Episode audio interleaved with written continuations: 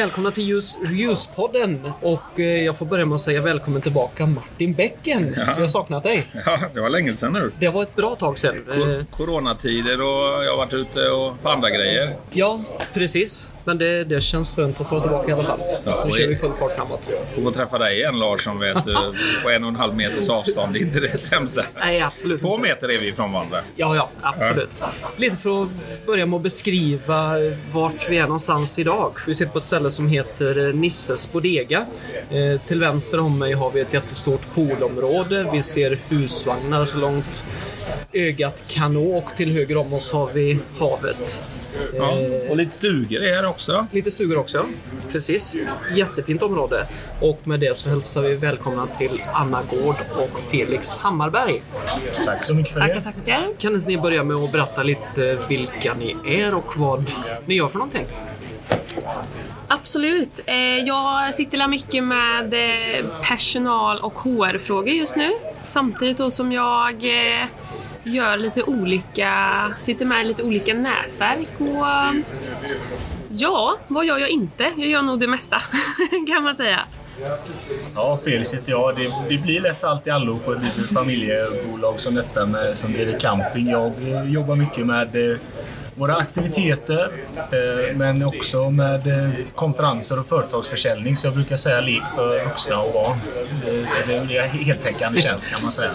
Men det är vänt både mot företag och- konsumentmarknaden. Om vi var lite otydliga i början så vi befinner oss på Apelvikens camping. Ja, på västkusten. På, västkusten, ja. Precis. Hur hamnar man i campingbranschen överhuvudtaget? Ja, Och du är en del av ägarfamiljen. Ja, men precis så. Jag eh, trillade in här utav naturliga skäl eftersom att min eh, pappa då köpte campingen när jag var ett år. Så eh, den har ju varit med mig hela livet. Så, Hur länge sedan var det din pappa köpte? han köpte den eh, 97. Men sen innan dess så hade han ju butiken och restaurangen hade han ju innan det. Så jag tror han har varit och haft näringar i viken i 43 år. Och det känns som att de flesta i Sverige känner ju till Apelvikens camping. Men eh, kan ni inte berätta för våra andra lyssnare vad, vad det är för någonting? Apelvikens camping. Ja, Apelvikens camping den är känd mycket som i folkmun och, och destination Apelviken som vi gärna vill marknadsföra oss som nu då är precis vad det låter som en destination, en femstjärnig anläggning där vi driver camping, hotellägenheter, stugor, massa lägenheter och konferens. Vi har lite olika ben som vi jobbar med. Eh, sommar blir det väldigt mycket camping, poolbad som vi sitter här nu och njuter av strålande sol i viken. Och eh, på vintern blir det givetvis mycket företag, konferenser, företagsboende, event. Vi jobbar med flera stora event som vinfestival, oktoberfest. Sen eh, ja, jobbar vi med olika typer av event, även mot familjer med halloween och sportlov och lite sådana grejer. Det vi försöker det är egentligen att förlänga säsongen så gott det går för vårt mål är att få mer och mer anställda året runt. Hur blir man en femstjärnig camping? Det är vissa krav som man ska gå igenom. Eh, det gäller dels att det ska vara eh, miljön. Eh, vad är det mer? Miljön, Ja, det är hygien, hygien, eh, kvalitet. Och det gäller att vi erbjuder butik, restaurang, pool. Eh, lite sådana här kriterier då som man måste... Så det är ungefär som hotell då? Fast Ja, man, eh, precis. hur många femstjärniga campingar finns i Sverige? Är det 13? Jag det kom en till här, 13 eller 14. 13, 14, 15 Ja, det är inte sånt. Nej, nej, nej. Och där kan man halka upp och ner varje år då. Ja. Så det gäller att sköta sig då. Lite Ja. som eh, Michelin-guiden nästan. Ja. Campingguiden. Det var. Den kan vi spara. Den, existerar ju faktiskt. Hur ser den ultimata campingen ut då? Är det, är det Apelviken? Jag tycker det är en rätt svår fråga för allting handlar egentligen om vad är målgruppen? Hos oss Ja. är det ju en barnfamilj. Alltså, här är det mycket folk, det är mycket rörelse, det är mycket aktiviteter där vi inriktar oss mot barn. Jag tror inte kanske att eh, ifall man vill ha lugn och ro och nära till naturen, då kanske inte, även om är nära till havet, så kanske inte man ska ta vår anläggning. Så all ultimata campingen för barnfamiljer, ja det tycker jag absolut att vi är. Men allt handlar om vem, vem det är som kommer och vad man har för förväntningar. Ja. Det med, jag kan inte hjälpa mig, jag börjar alltid tänka på Galenskaparna och After Shave när man tänker på husvagnssemester. Är det, Är- det typiskt svenskt eller har ni många utländska gäster också? Ja, i år blir ju ett väldigt speciellt år, men, men vanligtvis så har vi ju gäster från Norge, Danmark och Tyskland. Det är ju länder som gärna besöker oss. Där, eh, i, I blandad säsong. Många tyska gäster kommer ju i augusti, gärna lite senare delen av augusti. Då har de ofta semester och tycker det är perfekt att komma till Sverige. Där ser vi ju lite. ja, en tydlig trend i det. Och det är många som tycker lite att Sverige blir lite exotiskt där med vår natur. Och där Har ni älgsafari med på? Älgsafari, ja det, det är sämre med älgsafari. Men vi har mycket cykelturer som Ja. eh, uppskattas här. Det är den fantastiska miljön som vi har här med havet och men samtidigt även närheten till det lantliga och bokskogar. Och det är mycket, mycket elcykel. eh, Fantastiska Kattegattleden går stryker längs med vår restaurang vid havet. Så det är mycket cykelturism. Ja. Hur ser det ut annars på bokningsfronten i sommar med tanke på Corona? Ja, det är ju ett bokningsläge som är relativt bra.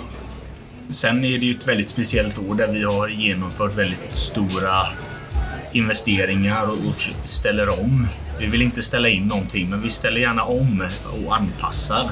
Ja. Det är lite också att det har varit mycket snabbare på liksom. När de släppte på det här två timmars eh, regeln, då liksom låg ju telefonen väldigt varm.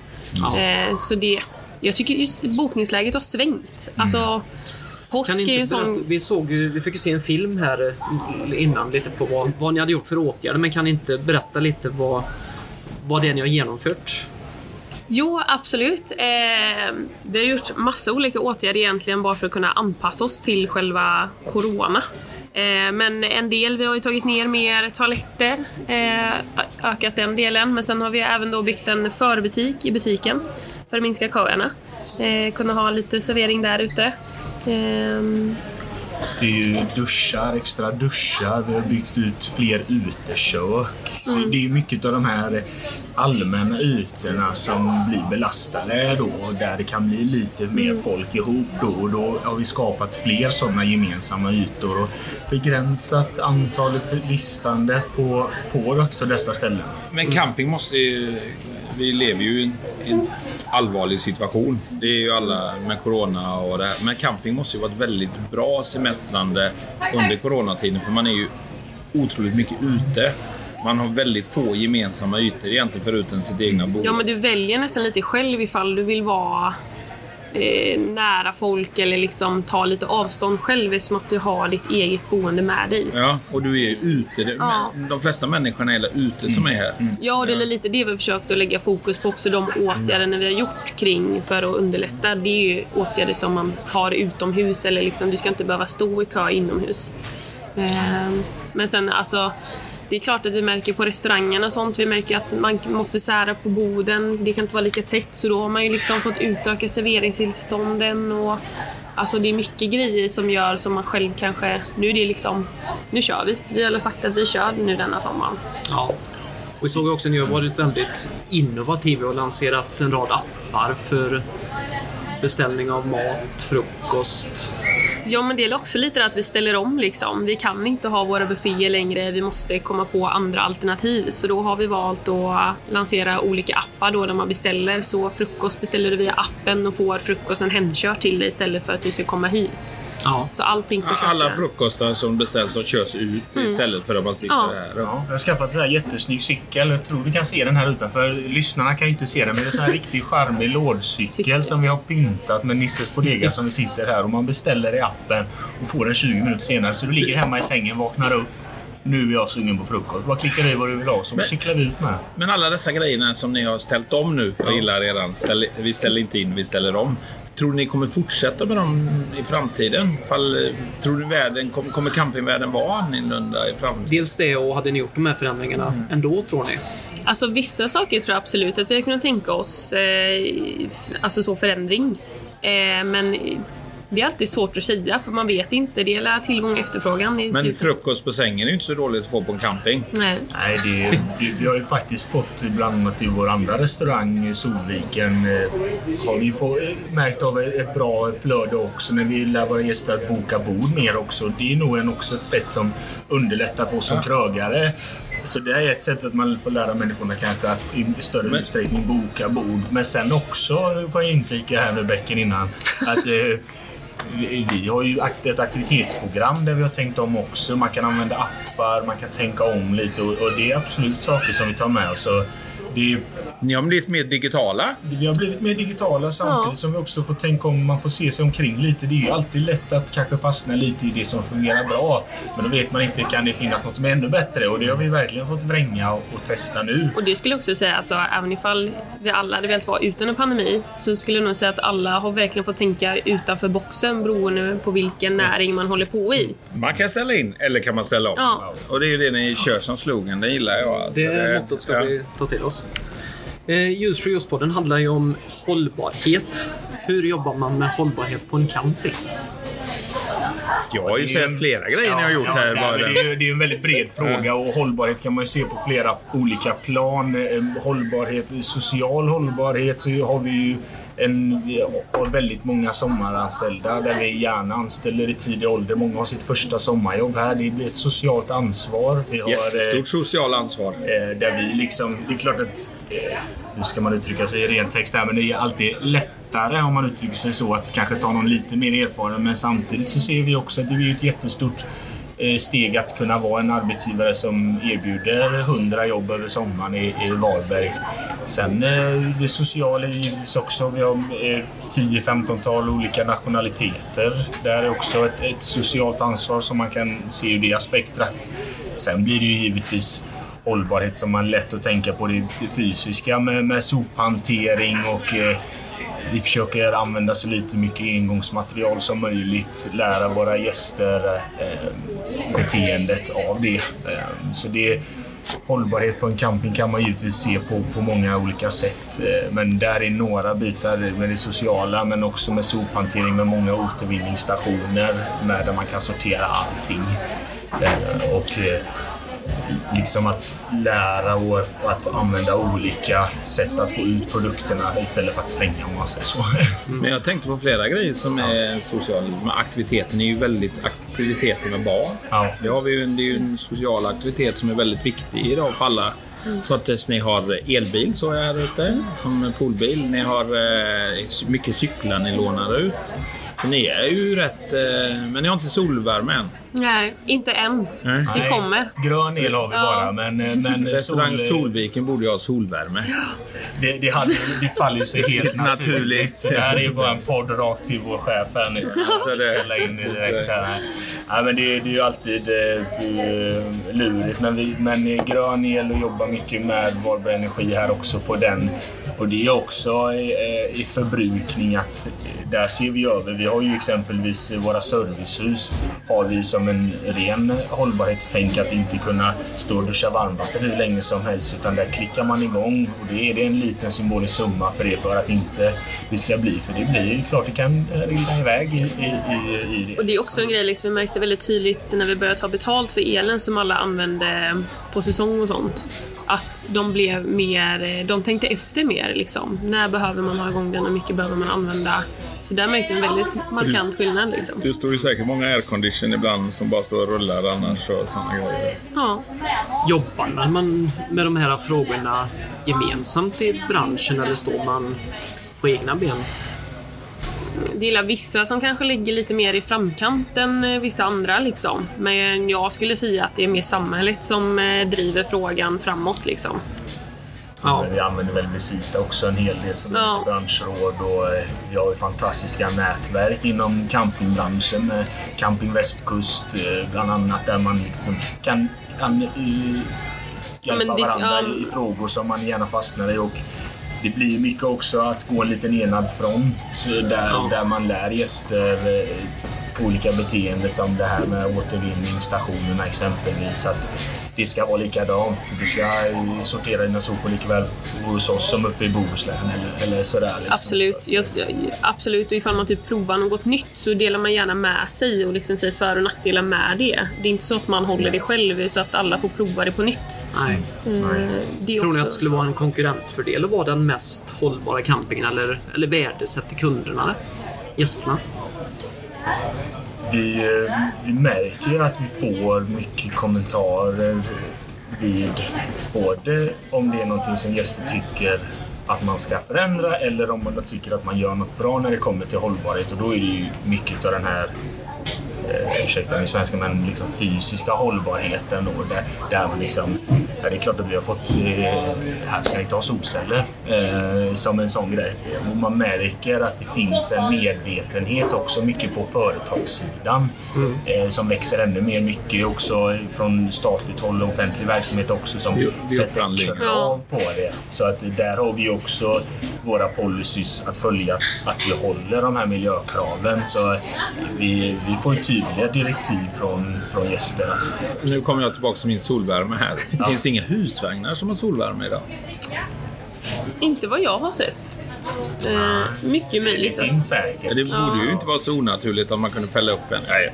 Men sen skulle jag säga det är rätt fantastiskt för jag tycker också att personalen är noga Ja. med hållbart att de liksom, ja men du kan vi inte göra så här istället? Att de kommer med idéer för man blir ju väldigt hemmablind också.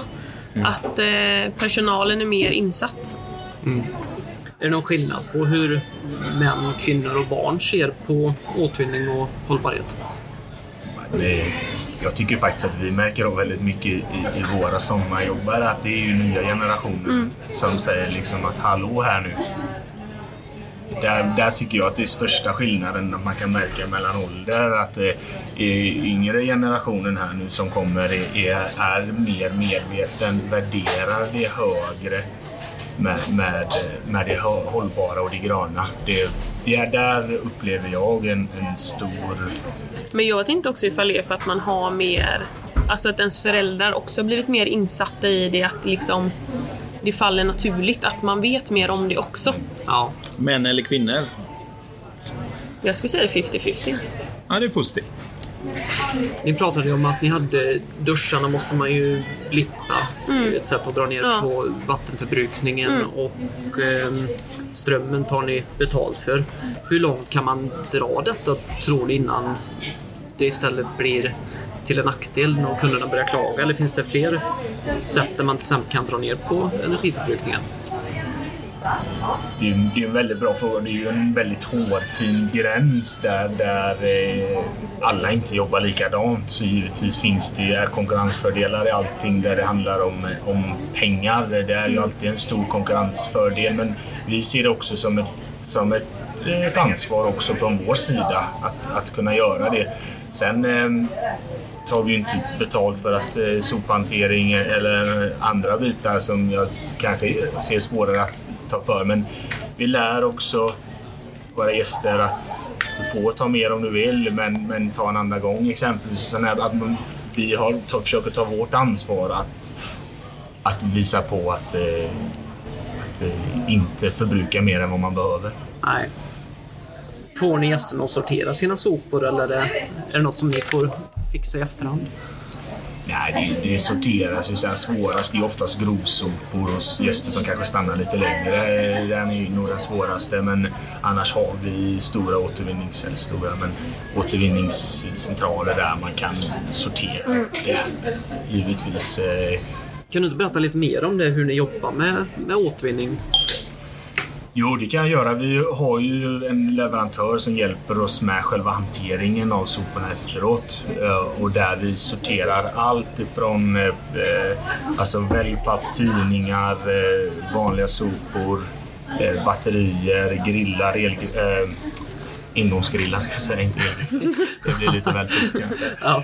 Så, det är ju ett arbete i det. Sen så går vi också över om närområdet också. Vi ligger ju här precis vid havskanten och det är ju mycket folk som besöker de offentliga platserna utanför med stranden och där vi försöker ta vårt ansvar också att hålla i ordning på det, även det området. Och, eh, det märker man här. Det är många som hänger på stranden och umgås och man tar gärna med sig pizzakartongen ner dit. Men alla vill inte ta med den hem och slänga den utan man vill gärna lägga den där man har suttit ungefär.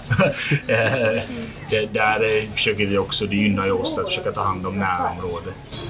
Vi försöker också ställa ut mer sopor, alltså så att man har chansen till att slänga sopor nära. För vi vet ju själva att om det är för långt ifrån eller man inte ser någonting, då blir det mycket lättare att lämna det också. Men om man ser att det finns, men där kan jag faktiskt slänga det, då tar man ett mer ansvar. Men hur ser en eh, camping ut om tio år med hållbarhetsfrågor? Eh, Kommer det, jag tror själv det kommer komma ett enormt race här framöver i allt. Eh, Alltså vi, vi ser elbilar. Eh, Kommer det vara elladdningsstationer på en camping? Det är det och det är det redan hos oss och hos flera där man kan ladda sina elbilar.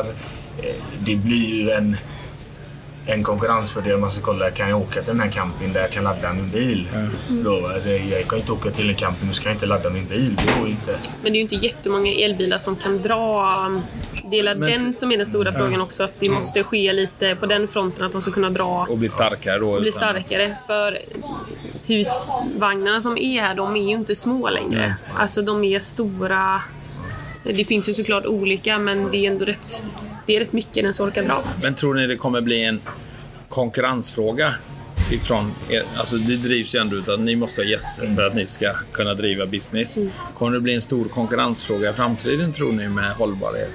Förutom som du var inne här på innan Felix med upphandlingar och företag som redan då. Men hos den privata, tror ni det kommer, Det tror jag absolut. kommer det bli en grön camping som blir det nästa? Det vet man inte. Kommer det att krävas för att få kalla sig femstjärnig camping kanske till och med? Jag tror absolut att det kommer luta åt det hållet och sen vet jag inte liksom hur mycket, eller, alltså det är ju svårt att säga är det om 10 år eller om eh, 15 år. Alltså hur fort kommer det gå? Men jag tror det kommer gå fort. Och jag tror att vi kommer bara bli mer och mer insatta i det och vi kommer ställa högre krav på eh, dit vi åker, liksom. våra resemål och våra leverantörer.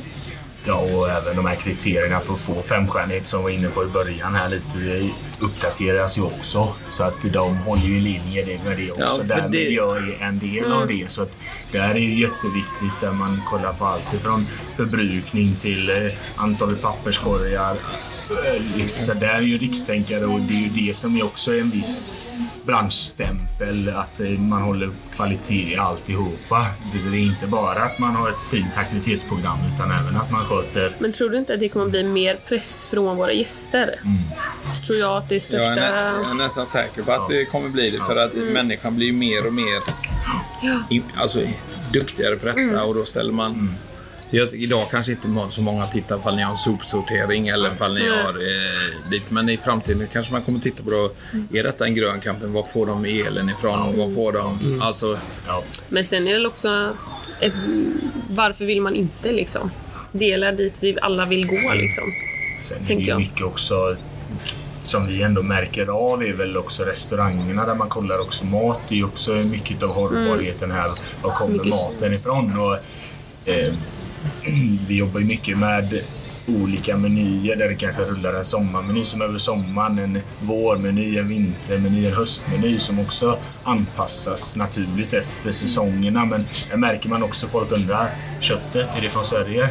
Ja, självklart. Alltså, eh, det är ju medvetet. Det märker man mycket i mer- normer. Kanske inte riktigt lika mycket vad, vad har ni för strömförbrukning och var köper ni strömmen ifrån. Men man undrar gärna var vi köper köttet ifrån i restaurangen. Så det är ju ett steg åt den här med, hållbara, medvetna gästen. Ja. Och du jobbar, du jobbar ju med konferensbokningar mycket, Mm. Felix. Ställer företag några krav eh, på er att ni ska vara hållbara för att ni ska få bokningar? Och, Ja. eller och är, är det något som kommer att förändras, tror du, framåt? Jag tror det kommer bli ännu mer eh, högre krav om man säger så. Det finns krav, det finns en viss kravbild. Men ännu mer att eh, alltså, konferens blir det mycket fokus maten. eh, Men också eh, man vill ha eh, bra förbindelser för kollektivtrafik. Alla ska inte behöva ta varsin bil från Stockholm eh, och, och de här bitarna. Så man vill också kunna ha ett, eh, ett resande som är grönt. Sen eh, Sen vet vi inte hur resandet kommer bli nu efter Corona, för jag tror alla har fått Nej. en riktig tankeställare. Liksom. Hur, långt får, alltså, hur långt ska man åka för att ha en konferens? Eller hur långt ska man åka för att göra den där upphandlingen?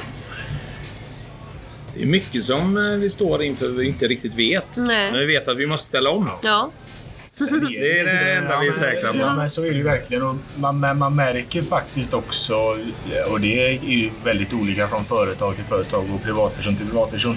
Men det är inte alltid att alla riktigt vill gå hela vägen i det hållbara heller.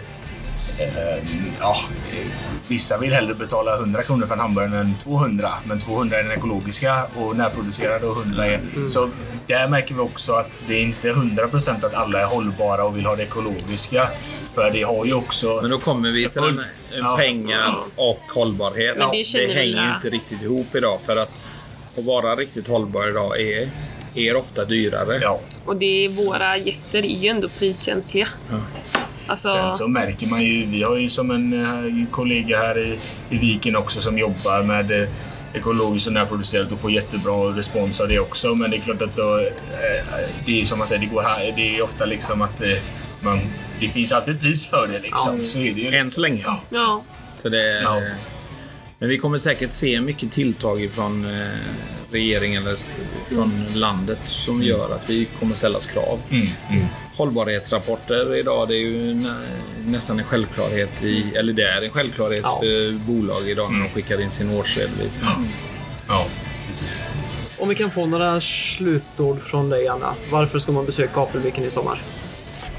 varför ska man... Man ska semestra i Sverige, upptäcka Sverige. Och då är Apelviken det perfekta alternativet. För ni ställer inte in utan Vi ni ställer, ställer om. om. Det är det vi gör. Och det är en fantastisk stad. Jättefint. Nå, Felix, har du några slutord här då? Jag tyckte det blev så snygg slutkläm. Ställ inte in utan ställ om. Men det är ju naturen som talar här med, med hav, närheten till staden. Du ligger inte mitt i centrum men du ligger väldigt nära så du cyklar in eller går in. Och du bor här med familjen, du badar i poolen, du äter på restaurangen och hittar på massa krabbfiske och roliga aktiviteter. Så att det, är, en fantastisk anläggning i Varberg, västkustens eh, kreativa mittpunkt som heter. Och en pärla som, som man når. Och många av våra gäster når ju oss också inom två, två timmars radie ändå liksom, med eh, ett stort upptagningsområde och lätt med tåget. Så det är en fantastisk plats att besöka som man kan göra både med husvagnen, husbilen eller i hotelllägenhet. Kommer du semestra på Apelviken i sommar, Martin? Eh, ja, jag vet, jag har ingen husvagn. Så jag får la campa. Du kan bo i våra hotellägenheter. Ja, men det är fullt kanske. Eller jag kanske kan få en plats. kan nog klämma in en skrubb där. En Tältplats, tältplats. ja. Det är ju någonting som jag tror kommer komma tillbaks en Ja. hel del, att man tältar. För det är ju en väldigt enkelt, ekonomiskt väldigt hållbart att tälta och sådana grejer. Då, så. Men vi märker ändå rätt mycket av det med tanke på Kattegattleden också. Många som kommer med cykel. Mm. Ha, Det pratar vi om hållbarhetsmässigt. ja. Ja. Ja, ju- cykla och, och tälta. Ja. Det kanske vi ska göra, jag och du Larsson. Jag hänger på. Ja, Jag är ett litet tvåmannatält på en tandemcykel. Oh, vad mysigt det ska. Ja, det kanske är det ny- nya. Ja, varför inte? Ja, du cyklar Vi gör fram och jag bak. eh, Vi... Use Reuse-vloggen. Ja. Det är Den inte ser vi under, Ja. under den perioden i så fall. Från Göteborg hela vägen ner till Helsingborg med Ja. Kattegattleden. Ja. Nej, det är väldigt spännande att få vara här. Och det, det, det som jag fick med mig det var ju det här idag när vi fick se videon. Och då eh, var ju vet ni, en, eh, med att eh, ni har valt att ta sånt grepp om och ställa om. Det är riktigt häftigt alltså. Ja, och man får ju ändå säga det. Vi har ju stött på er några gånger, Use Reuse, och vi, vi inspireras ju ändå av att jobba ännu mer mot det hållbara och där tycker jag också att det, det, det ger sig också bra när man får företag som drar på sig manteln extra och visar på att ta initiativ. Och vi försöker ju en annan del som jag vet att också BV Syndra jobbar med, med eh, idrottsliv också. Där blir också ett, en hållbarhet och ett socialt ansvar som jag tror är viktigt att man integrerar eh, med, med hållbarheten på ett tydligt sätt och då kan man också eh, nå ut till fler. Tack så jättemycket. Tack ska ni ha. Och så Tack önskar vi er en glad sommar och en lyckad sommar. Ja. Ja. Tack så mycket. Får ni Tack ska ni ha. semester. Ja. Det får vi hoppas på. ha det gott. Tack. Hej, hej.